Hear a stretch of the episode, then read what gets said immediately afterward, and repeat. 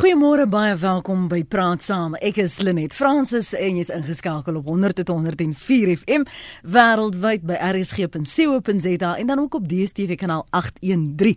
Die openbare beskermer Bosisiwe Mqobane is vroeër die maand gedagvaar om haar uitlatings oor die Estina melkplaas by Vrede aan die parlement te gaan verduidelik. Verlede jaar is sy ook skerp gekritiseer oor 'n verslag wat sy geskryf het oor Bankkorp en het die parlement opdrag gegee om die grondwet te verander. Die inhoud en die toon het vrae laat ontstaan oor haar onafhanklikheid, onpartydigheid en geskiktheid vir die pos. So vanoggend op praat saam, kyk ons na die geloofwaardigheid van die openbare beskermer se kantoor, hoe dit moet wees en waar die gebreke is. Ons gaste vanoggend is Theo Venter, politieke ontleder verbonde aan Noordwes Universiteit se besigheidskool. Goeiemôre Theo. Goeiemôre. En ons gesels ook met oudregter Johan Kriegler. Goeiemôre regter. Môre daarom môre vir die luisteraars. Vroeger die maand het die openbare beskermer Theo aanbevelings teen Lynn Brown en Des van Rooyen gemaak en gevra dat president, president Ramaphosa teen die twee moes optree. Dink jy die openbare beskermer se aanbevelings oor hulle het enigsins 'n rol gespeel in sy kabinetskommeling? O ja, ek dink dis beslis so. As mense 'n kabinetskommeling maak, dan uh, gee die staatshoof gewoonlik nie redes waarom hy dit doen nie. So ek dink ons lei dit maar af. Maar ek um, ek dink in daai opsig het um, het daar aanbevelings um, wel 'n rol gespeel. Daar was natuurlik ook ander goed wat faktore was um, in in hierdie betrokke twee kabinetministers se portefeuilles. Ehm um, wat betrekking het natuurlik op staatsondernemings en staatskaping en en en en dis meer en uh, Des van Rooyen natuurlik ehm um, ook uitgewys. So ja, sy speel ek sê nou sy uh, want dit is tans 'n dame, sy speel 'n rol um, in hierdie soort van goed, maar ek dink haar omstredenheid is nog 'n groter probleem as die rol wat sy speel. Tio gebruik die woord omstredenheid regter, miskien net vir ter inligting vir ons luisteraars, die die waardigheid van die kantoor van die openbare beskerming. Hoekom moet dit vlekkeloos wees? Weet jy, dit gaan terug na die fundamenteelste fundamentele begrippe waarop ons grondwet gebaseer is. Ons is nie alleen die erkenning gegee aan die skeiding van magte met wetgewende, uitvoerende, regsprekende bevoegdhede wat van mekaar geskei maar in samewerking moet optree nie. Maar ons het die grondwet opgestel is spesifiek voorsiening gemaak vir 'n aantal instansies, liggame wat die demokrasie moet van verdere hulp uh, kan bedien. Die belangrikste hiervan is die openbare beskermer wat meer is as die ombud in ooreenstemmende uh, skandinawiese lande. Dit is absoluut noodsaaklik dat hierdie amptsbekleding Regter? Is hy nog daar? Ons gaan probeer om hom net terug te skakel. Dis 'n gedagte was hoe waarom dit so absoluut noodsaaklik is dat daardie persoon wat die pos beklee, hy of sy, um onafhanklik, onpartydig en geskik moet wees. Vinnig van jou kant want jy's nog met my net, Theo? Nee, ek hoor jou goed okay. baie goed. Hoekom sou hoekom beskryf jy haar as omstrede?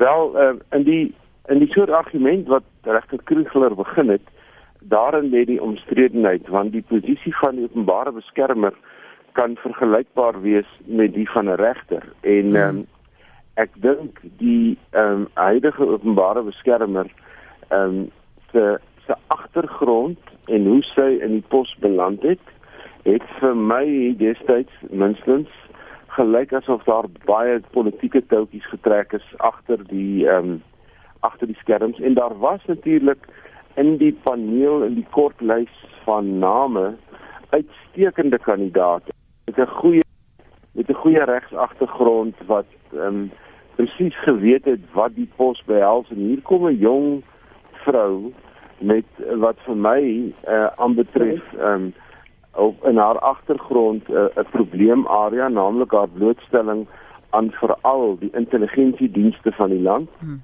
die nabyheid van 'n kabinetsminister wat nou sy pos kwyt is, meneer Mashlobo en sy het 'n baie nou paadjie geloop. En ehm um, ek dink die ander deel van die omstredenheid gaan natuurlik oor die absolute swaar gewig um, voorganger wat sy gehad het in Tuli Madonsela. Dit was eenvoudig van die begin af 'n baie moeilike paar skoene om vol te staan en haar uitlatings wat sy vroeg aan die begin van haar termyn gemaak het, dink ek het die omstredenheid geskep. Was dit 'n oomblik dat sy te verblind was deur die die die voorganger Tulise opgang, die aansien, die die gewigtigheid van die verslae en dit wat Tuli advokaat Tuli Madonsela gesê en geskryf het was da, dit daardie spanning of was dit omdat sy onder 'n rookskerm tot daai pos gekom het?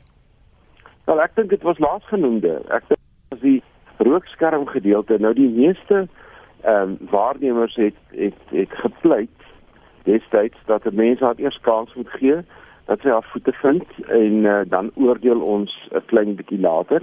Uh, ek dink dis 'n geldige argument gewees destyds, maar ehm um, jy weet die jy jy gaan nie jy duik nie kop eerste in 'n paar sake in wat nou lank reeds geloop het en sê jy gaan dit anders doen of uh, begin onmiddellik ehm um, een van die uitsprake wat sy gemaak het as mense vandag daaroor dink dan dan kan jy nie dink dat so 'n reëling in die kantoor kon geld nie en dit is haar personeel meer ehm um, gereeld na die ANN7 nuuskanaal moet kyk um, vir 'n ander sighoek op die Suid-Afrikaanse politiek in die tyd wat dit gesê is, die konteks wat dit gesê is, was net eenvoudig heeltemal verkeerd.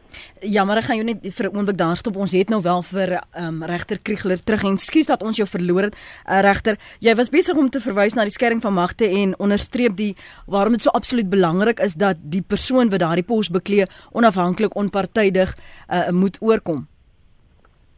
Dit presies nie alleen onafhanklik en onpartydig bekwam moet wees nie, maar inderdaad daardie beeld dra by die breë bevolking daar buite die belangrikste funksie of een van die belangrikste funksies van die amp is juis om geloofwaardig te wees om 'n baken van betroubaarheid te wees sodat almal kan uh, gerus slaap snags dat daar ergens 'n wag is wat wag hou oor die die staatsbestek bestek oor die amptenare van bo tot onder die geloofwaardigheid is onmisbaar. Theo het in jou afwesigheid verwys na die vinnige reaksie die die die die twyfelagtige verslae en kommentare en opdragte wat sy byvoorbeeld aan aan personeel sou gee vir 'n om na 'n ander kanaal te kyk om 'n ander sig te kry en 'n invalshoek vir wat die gesprekke in die land is. Dink jy dat met haar aanstelling regter het die geloofwaardigheid van van die kantoor van die openbare beskermer iets wat geloofwaardigheid verloor dat daar meer vraagtekens is? Ek is eintlik 'n bietjie huiwerig om 'n opinie uit te spreek want die saak gaan dalk hof toe. En ek dink dit is betaamlik vir 'n 'n oud regter om uitsprake te gee in die openbaar oor dinge wat dalk nog voor die hof kom nie. Wat ek wel kan sê is dat in beginsel is dit uiters onwenslik dat die amptbekleer van sulke dinge aangekla word. Dit die aanklagte is in sigself 'n rede tot ernstige kommer. Connie is op lyn 2. Môre. Môre lê jou gaste. Ja, ons is binne 'n demokrasie en ek dink as ons nou kyk na ons vorige openbare beskerming Tuliwond en Cella, dink ek uh die huidige een uh, kan nog nie haar skoene vol staan nie. So ek ek dink ja, omstredenheid miskien ons moet kyk na enige openbare gedrag of die openbare beskermer dan uh owerheidsaangeleenthede enige openbare administrasie op owerheidsvlak as daar beweer word van ongeruimthede uh moet moet hierdie uh, OB ondersoek instel en die korrektiewe stappe moet geneem word. Dit is dit is dink ek waar 'n groot probleem lê dat daar word uh, sekere bevindinge gemaak, maar die vraag is watter korrektiewe stappe word geneem. En ek dink ons kan nie bekostig dat waardes soos integriteit, praat ons van deursigtigheid verander in die parlement, verantwoording en onafhanklikheid en onafhanklikheid uh, is, 'n kriteria waarna ons moet kyk. Veral met die aanstelling van hierdie uh, belangrike pos, dink ek uh, kort ons 'n moreel en etiese persoon, etiese persoon wat dan onpartydig en dan sonder vrees en begunstiging uh enige vooroordeel sal kan optree. Uh ek ek dink uh, veral met die kering van hierdie kandidate is dit baie baie belangrik dat daar vergroot dat hulle ook dan na aanstellings met 'n vergrootglas dopgehou word en ek dink in hierdie geval is dit baie baie nodig dat hierdie uh, huidige openbare beskermer mm. ook dalk onder die vergrootglas vergroot glas geplaas word. Baie dankie. Dankie vir jou uh, mening daar. Dit is 20 minute oor 8. Ons praat oor die openbare beskermer se kantoor. Vir 'n oomblik net toe uh, hy verwys kon nie verwys Tio na wat dit behoort te wees.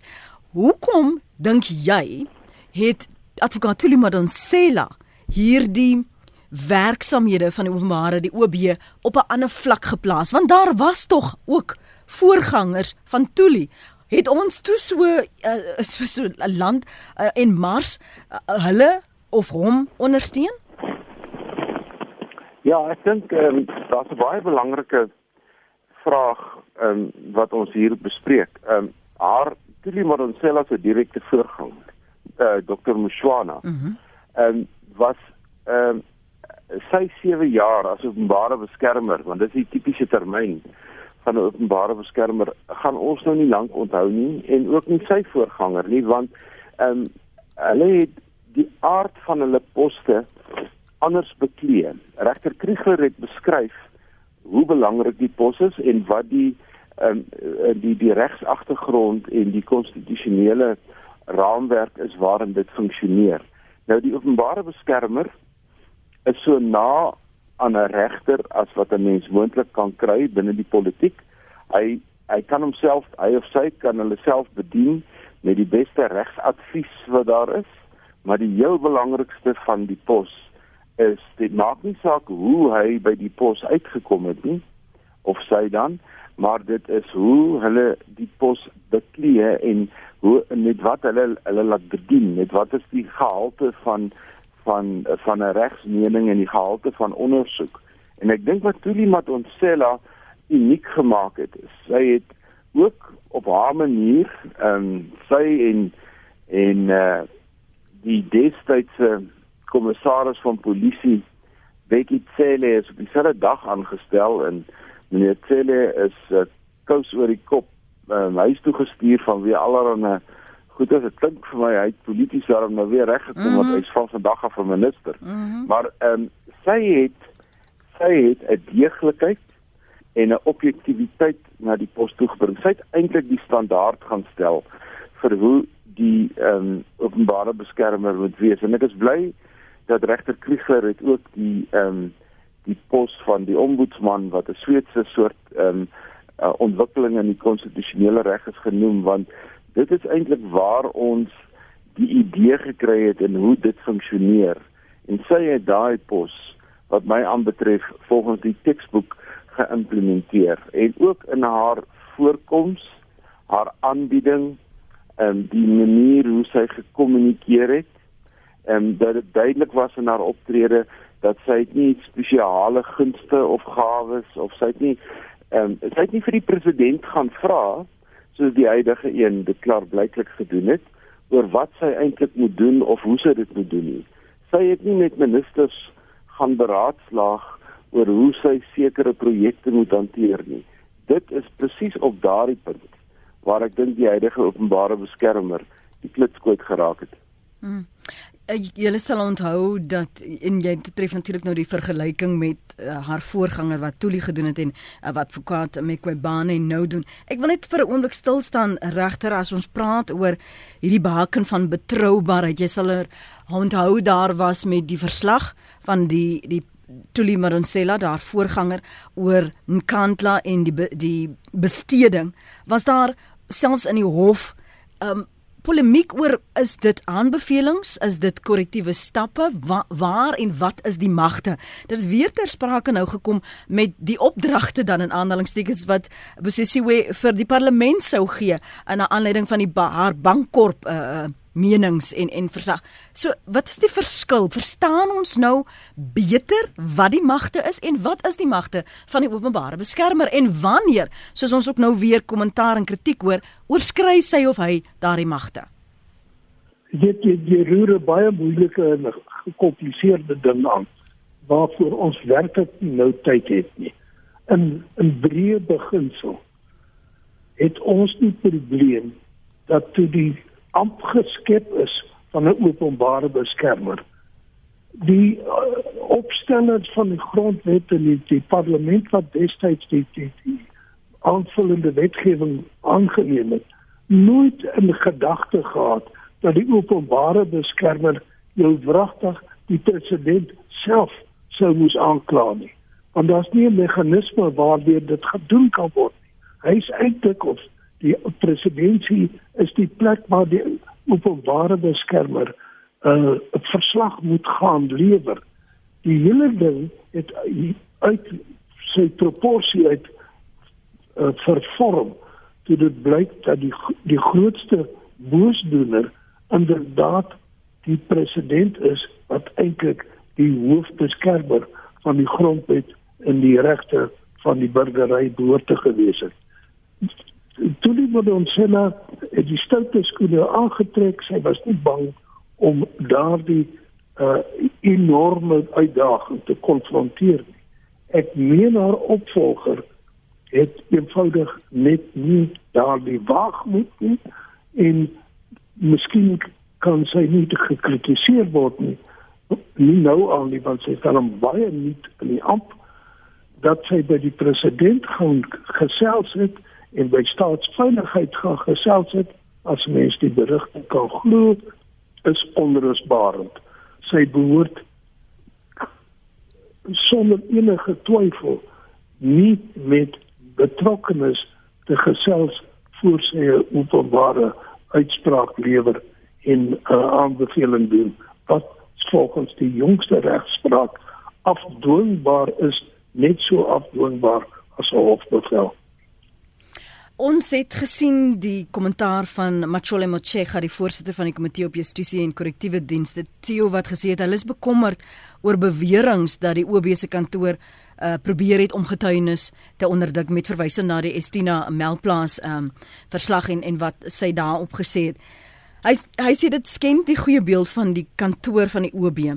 Wat is jou bekommernis gegeewe al hierdie veranderings, die skommeling, die vrae wat nog steeds gevra word juis in hierdie tyd?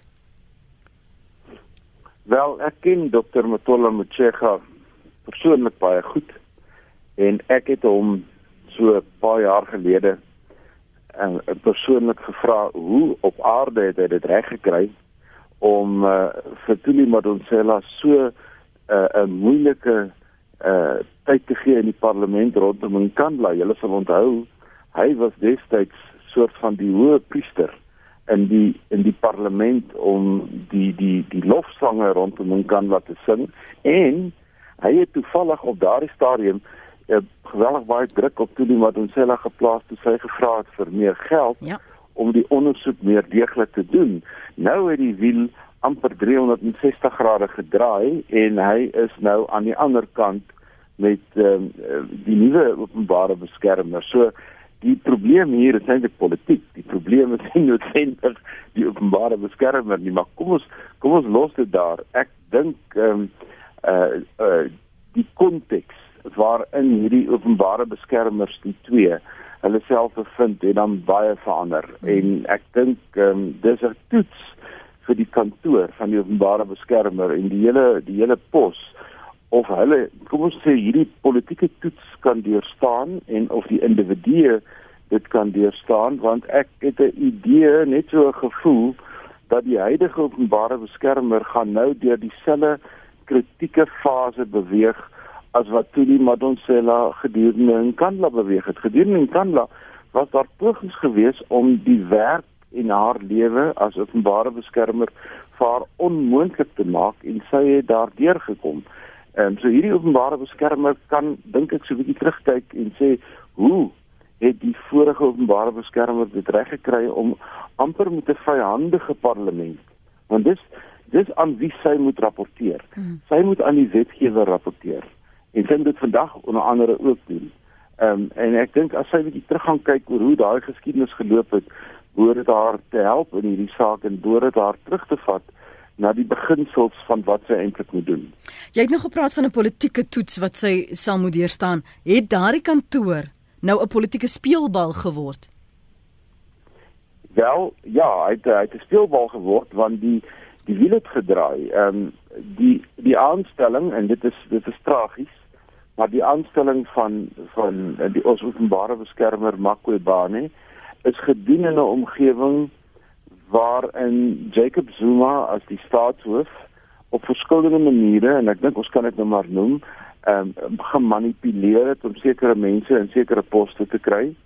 En dis goed en wel as jy daai pos kry terwyl daardie persoon in politieke mag bly, maar as die politieke mag ontneem word, soos wat gebeur het in die laaste maand in Suid-Afrika en daar is 'n nuwe um, politieke hoof, dan verander alles. Dan is jou ek wil amper sê jou beskerming, jou politieke beskerming is daarmee heen en dan moet jy nou maar swem in 'n baie diep see en ek dink dis waar sy nou is. Kan ons nie maar vir 'n toffie gee? We gaan nou vir jou kans gee. Regter. kan nou vir jou kans gee. To, uh, Theo kan, kan ons nie maar wel vir haar 'n toffie gee omdat sy nou uitsprake teen Des van Rooyen en bevindinge teen Lynn Brown gemaak het nie. Uh, dit het nie dalk die geloofwaardigheid van die kantoor 'n bietjie gelig in hierdie tye nie.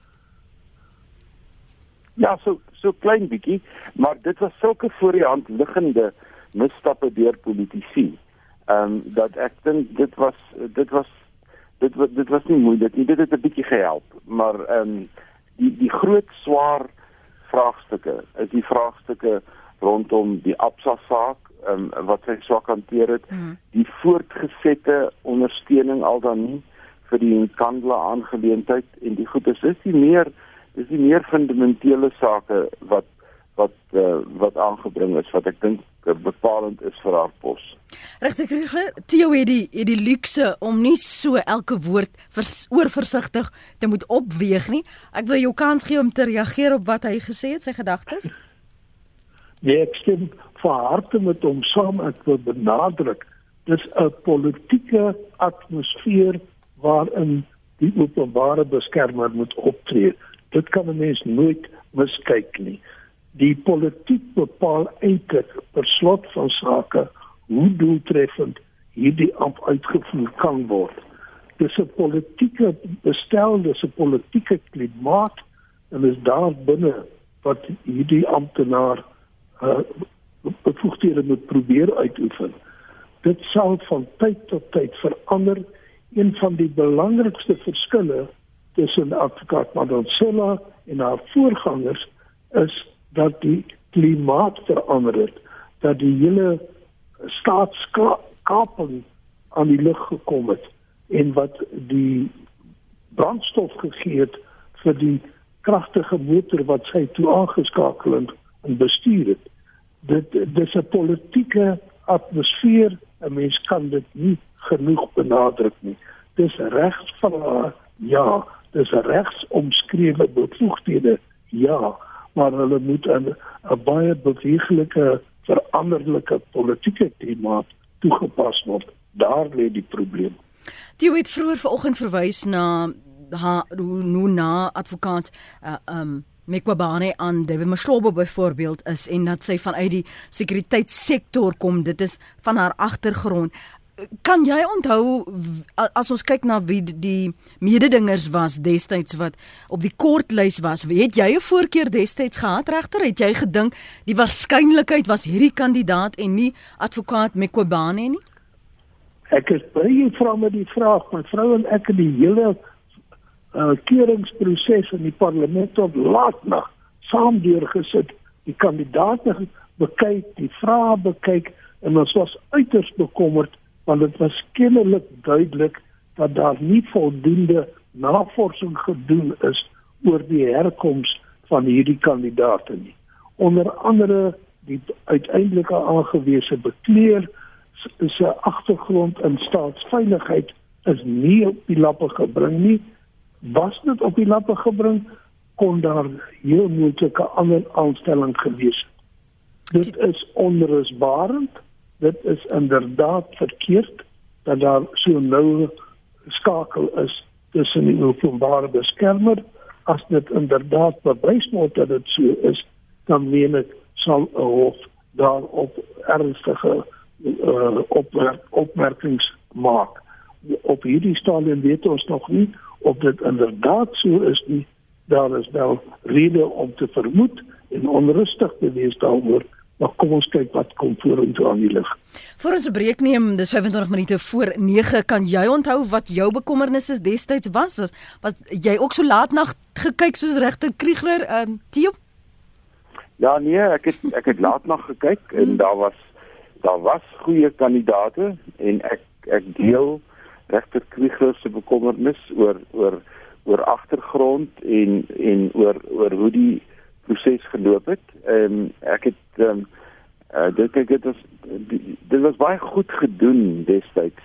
Ehm um, omdat almal het angstig sit en wag oor ehm um, hoe gaan ons hierdie pos nou vul na die hoogtepunt waarop Tuli Madonsela eintlik ehm um, haar pos ontruim het hulle sou onthou sy moes destyds uh in der haas die projek oor staatskaping afhandel uh, gesprekke met die die voormalige president.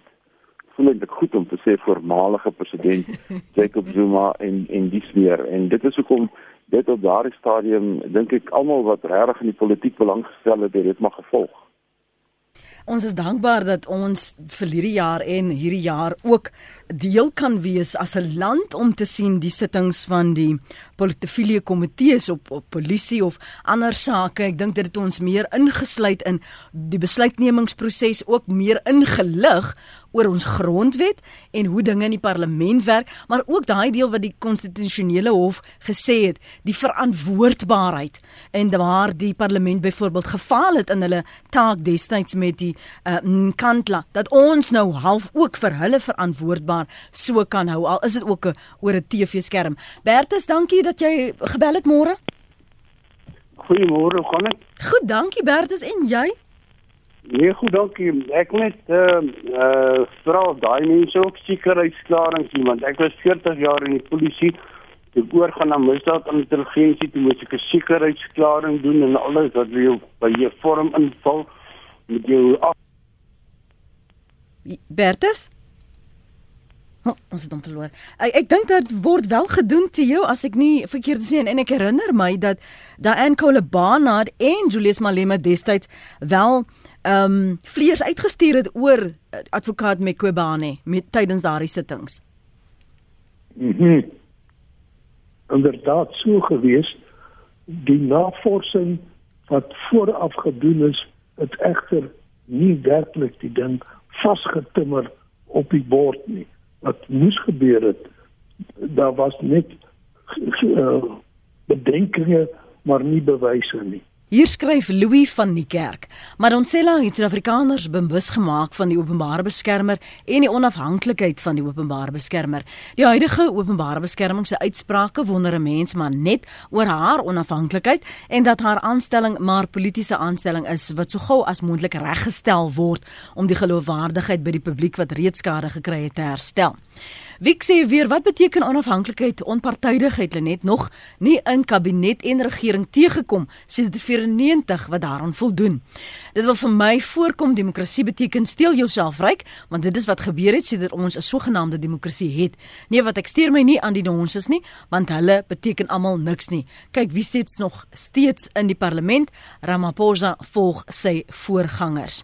'n Klasie van Herden vanuit Thailand skryf, daar is 'n ou gesegde wat so lui: 'n Bok kan net so ver wy as wat die tou hom toelaat. Kom ons vertrou dat ons nuwe president die tou maar kort sal hou.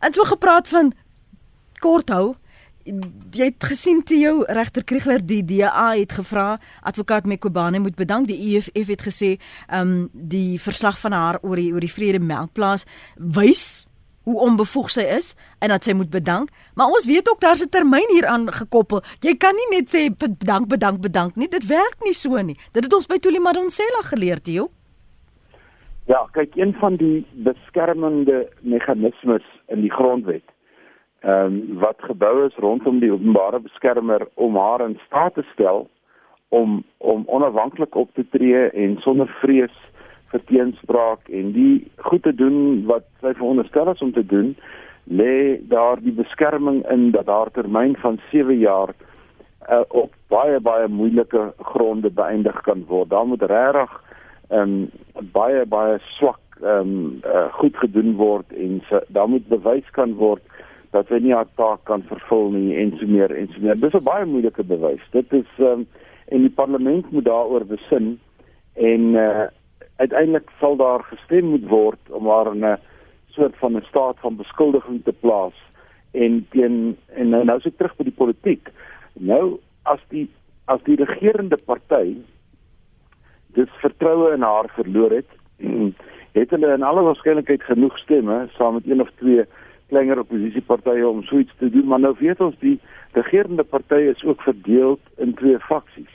So dit gaan verskriklik moeilik wees in die huidige politieke bestel om daardie roete te volg, die politieke roete. Maar dit is daar en dit is 'n baie moeilike pad om te loop en mense wil dink dat ehm um, daar eerder gesprek tussen haar en die parlement ontstaan en dat sy haar ehm um, benadering dermate sal aanpas om uiteindelik terug te keer na wat die grondwet eintlik van haar vereis. So ek dink vir haar is dit ook 'n baie groot uitdaging om so 'n bietjie terug te terug te staan en te kyk waarmee is ek besig en hoe gaan ek hierdie termyn want ek dink daar's nog 4 of 5 jaar van haar mm. termyn oor. Uh hoe gaan ek hierdie termyn maak werk? Maar hoe raak sy ontslaaf van daardie oliekool op haar kleed veral omdat sy so sterk verbind word met Mashlobo en uh, die voormalige president Zuma?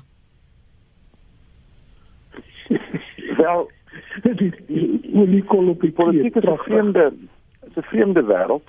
Ehm um, wanneer wanneer die mag ehm um, proses swaai of draai soos wat ons nou gesien het, dan is daar baie politici wat miskien laas jaar nog een standpunt gehad het en nou skielik vir jou sê maar ek was nog altyd eintlik aan hierdie kant. Ehm um, ek dink nie ehm um, ons hoef skaam te wees oor oor uh, eh, Dr. Matola Motshega nie. Hy het presies dit gedoen. Hy het ehm um, op 'n stadium die onverdedigbare verdedig en dit was in Kandla en 'n jaar later ehm um, gepraat asof dit eintlik nooit sy ehm um, bedoeling was nie en ek dink dit is tog moontlik vir mense om om daai aanpassing te maak en met harde werk die integriteit van die kantoor en die pos te verbeter. So in daardie opsig gee ek haar die die voordeel van die twyfel. Maar waar sy nou is, dink ek is sy in 'n doodklipstraat. Jy het net verwys regter kry hulle oor oor die wyse waarop die kantoor saamgestel is en en die kompleksiteit daarvan.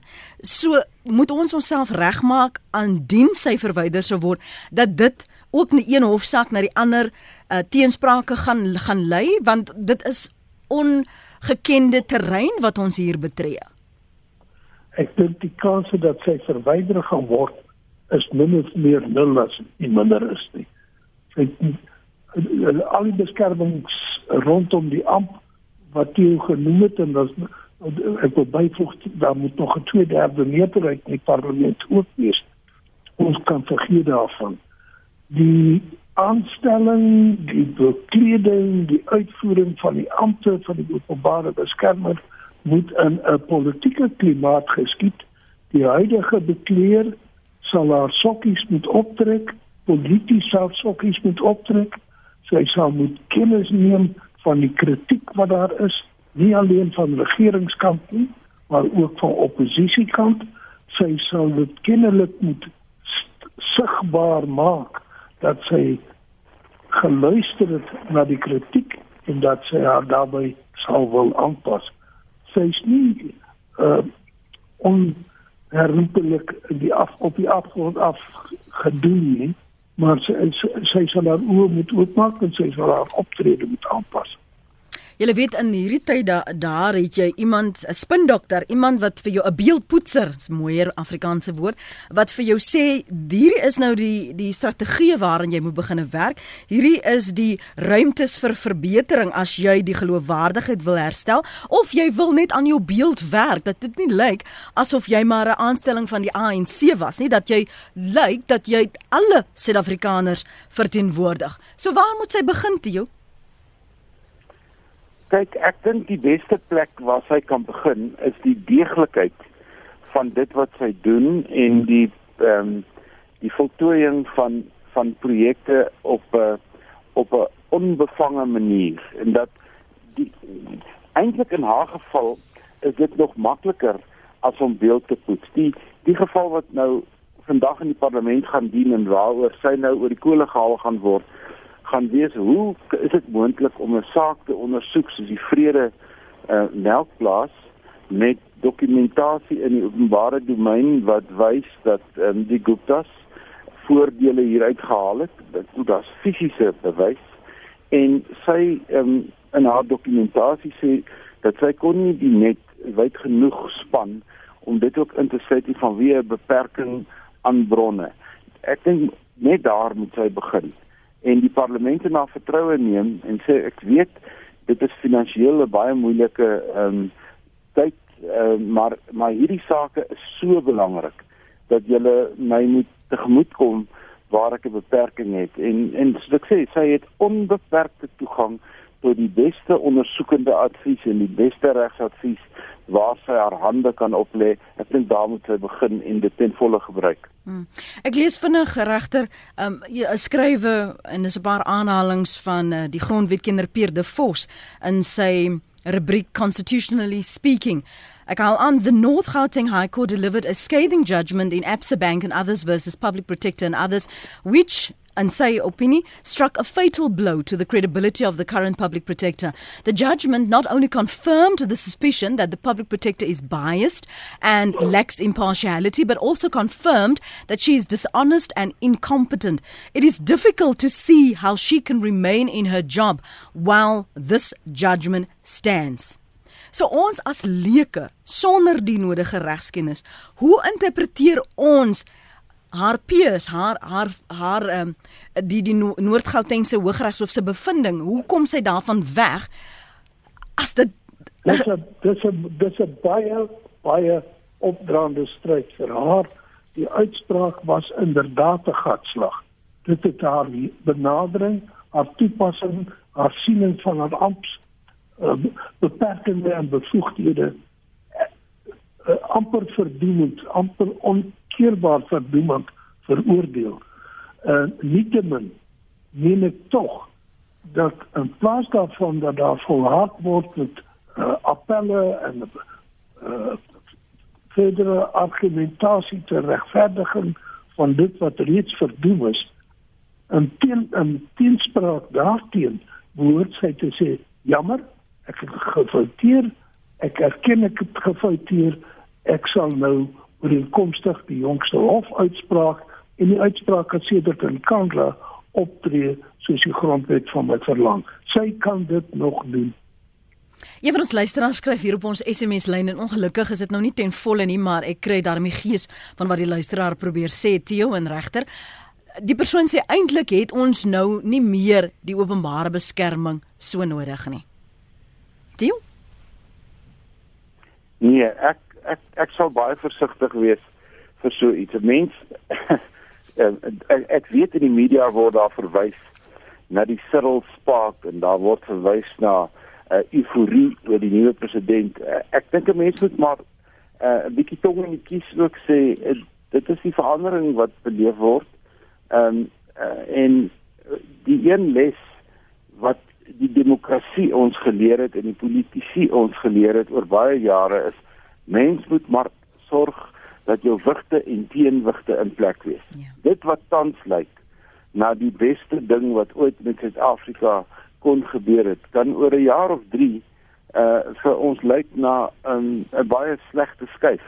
En dan dan en en dis wat grondwette doen en dis wat wat so waardevol is van die konsep van 'n regstaat. Die regstaat maak voorsiening vir die goeie en die slegte. En ek dink 'n mens moet maar versigtig wees om uh, om jou om jou toekoms om dit nou so uit te druk in die hande van mense te plaas. Die reg gee vir ons daai instrumente om dit te hanteer in die goed en in die sleg. En dit wat nou goed is, dan sou dit sê oor 5 jaar sleg wees. Ja. En dan het ons weer die openbare beskermer nodig. Nog 'n paar min, ekskuus regter, jy wil byvoeg? Nee, ek wil sê my prof het baie jare gelede op universiteit my gesê die prys van waaksaam van vryheid is ewige waaksaamheid. Dit is en bly so waar vandag as wat dit destyds was. So so as ons praat dan oor waaksaamheid regter Kriegle, wie moet die waaksaamheid toepas? Wie moet die openbare beskermer se dade opweeg en verantwoordbaar hou? Dis asof jy my vraag van my gekry het. Natuurlik dis 'n kar wat ek baie graag ry 'n perd wat ek baie graag opsaal. Waaksaamheid, waaksaamheid by die burgers, by almal, bewustheid van wat aangaan, beheidheid met wat aangaan, die bereidheid om op te tree om saam met ander uh kiesers gewone lede van die breë publiek by uh, nie regeringsorganisasies betrokke te raak, by politieke partye betrokke te raak met fakkel en byl vir die heersers van die land te sê so kan julle maak, so kan julle nie maak nie. Ons hou julle dop. Die openbare beskermer se belangrikste funksie wat my betref was dat sy of hy die publiek altyd bewus gemaak het en gehou het van wat in die die kniewerk in in in regeringskringe plaasvind. Mm. Dis om ons wakker te hou, want dis ons wakkerheid wat ons regte gaan beskerm. Regterkie gepraat van die aktiewe burgery Theo, maar die verantwoordelikheid van oppositiepartye, van nie-regeringspartye. Ons het gesien baie van die verenigings, baie stigtings. Ek dink aan Section 27, die Evie de Klerk stigting, ehm um, Ahmed Kantrada Foundation. Wat is hulle rol hier te, te speel veral wat dit betref die kantoor van die openbare beskermer vorentoe?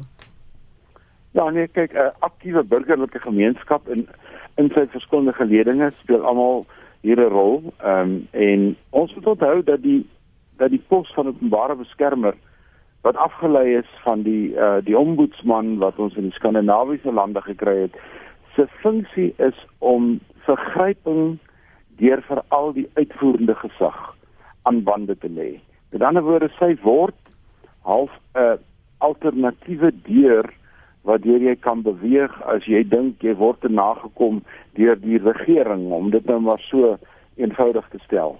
Ehm um, en dit is hoekom oppositiepartye uh, hulle beroep op haar, dit is hoekom gewone mense hulle beroep op haar, dit is hoekom gemeenskappe hulle beroep op haar in die geval nou 'n dame. Ehm um, as hulle voel dat ehm um, regeringsbeleid of uh, regeringsoptrede of of lede van die uitvoerende gesag hulle magte oorskry, Ehm um, so mense sou mense sou kon hof toe gaan met so iets. Mense sou in die parlement daaroor kon praat, maar die ombud gee uh, of die openbare beskermer gee vir jou daardie amper kostelose toegang om jouself as 'n gewone individu te beskerm teen te, te beskerm teen hierdie vergrype. En dit is hoekom ons vanoggend praat oor haar beeld en en die die die oënskynlike uh, subjektiwiteit wat hier is. Ehm um, dit is 'n uh, dis 'n verskriklike belangrike punt om oor te praat omdat so 'n belangrike toevoeging tot die Suid-Afrikaanse ehm um, uh, uh partytetiese en juridiese stelsel is. Ek hmm. weet ons het in die ou dae iets gehad soos die advokaat-generaal, maar hy was nie naaste by so invloedryk as wat die openbare beskermer is nie. En die openbare beskermer, as ons ook kyk na ander lande waar dit funksioneer, het boonbehalwe die regte wat sy het en die en die eh, verpligtinge wat sy het, het sy amper 'n ongeskrewe uh instruksie en dit is om die vertroue van die mense altyd aan haar kant te hê sonder om nou te soek vir 'n vir 'n vir 'n vir 'n um, skoonheidskompetisie. Sy moet sy moet genoegsaam vertroue inboesem dat mense kan voel hulle kan hulle elendes met haar deel mm. en ek dink dis waar ons huidige openbare beskermer nog 'n bietjie kort skiet. Vinnige opinie voor ek julle albei groet net van jou kant regter Kriegel na aanleiding van wat Klaas Aardvarkie van die Galagade hier skryf. Uh, al is die OB se funksie in terme van artikel 9 en die verantwoordelikheid van verslag aan die wetgewer, moet die posbekleer 'n grondige regskenner wees en nie net oor 'n regsgraad beskik nie. In die ou Suidwes was die OB 'n afgetrede agbare regter van die Hooggeregshof en het sy uitsprake dus regsgeldigheid gehad. Ons eie OB behoort nie deur politici aangestel te word nie, maar deur 'n paneel van regters en die regskommissie ten einde regverdigheid van die bevindinge heeltemal bo verdenking te plaas. Sou dit 'n oorweging wees regter om al hierdie vrae uit te skakel? Dis 'n interessante opmerking. Ek is nie seker dat dit 'n oplossing sal wees nie, maar ek dink dit is welkom dat mense gedagtes wissel oor die keuring van die openbare beskermer dit lyk asof ons hier nie heeltemal so raak gevat het as ons moes nie en 'n kritiek en probleemstelling en debat rondom verandering daar is te verwelkom. Baie dankie aan oudregter Johan Kriegler en Theo Venter vir julle beskikbaarheid vanoggend hier op Praat saam.